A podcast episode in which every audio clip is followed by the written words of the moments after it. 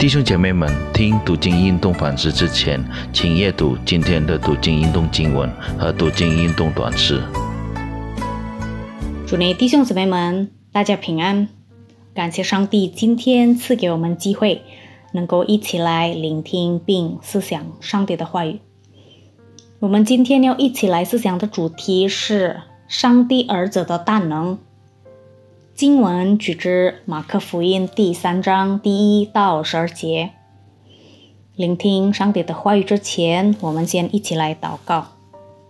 我们阿爸天父，现在我们要来到你的面前，安静我们的心，聆听你的话。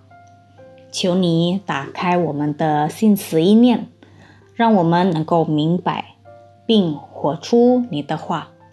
感谢主。奉主名求，阿门。主耶稣的大能不仅能够从他的教导中看得出来，而且也能够从他的作为看得出来。他蛮有权威的教导方式与文士们的方式有所不同。他教导中的权威出自于他自己。他的作为表明了他拥有超越人类能力的神能，他能够医治大夫无法治愈的疾病，并且能够赶鬼。这种治愈一切疾病的大能，表明耶稣基督是上帝的儿子，远远优于犹太宗教的领袖。耶稣基督的大能是与生俱来的。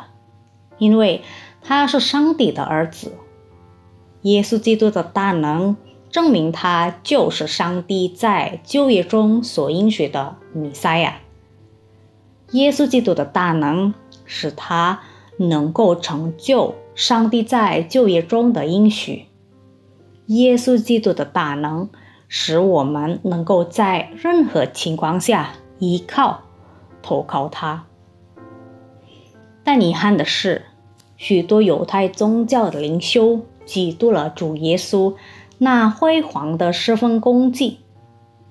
当他们看到主耶稣的教导受到许多人的青睐，还有他所施行的一治事迹也吸引了众人跟随他，他们就愤怒又嫉妒。今天，全世界的信徒继续执行主耶稣的侍奉，与主耶稣时代一样。信徒侍奉的成功让很多人嫉妒，导致世界各地逼迫基督徒的事件历代持续至今。在本日阅读经文中，嫉妒导致法利赛人与西律一党的人合谋。公公寻找机会除灭耶稣基督，这个合谋有点奇怪，因为我们记得以前法利赛人非常憎恨希律当人，他们合谋是因为两个群体都被仇恨所控制的，这种仇恨源于对主耶稣侍奉成功的嫉妒。本日阅读经文提醒我们。当我们看到比自己更成功的人的时候，我们就会陷入被嫉妒所控制的危险。所以，我们需要训练自己，学会对上帝赐给我们的恩典感恩。我们为今天的处境感谢主了没有？当我们看到别人的成功的时候，我们仍会心存感恩吗？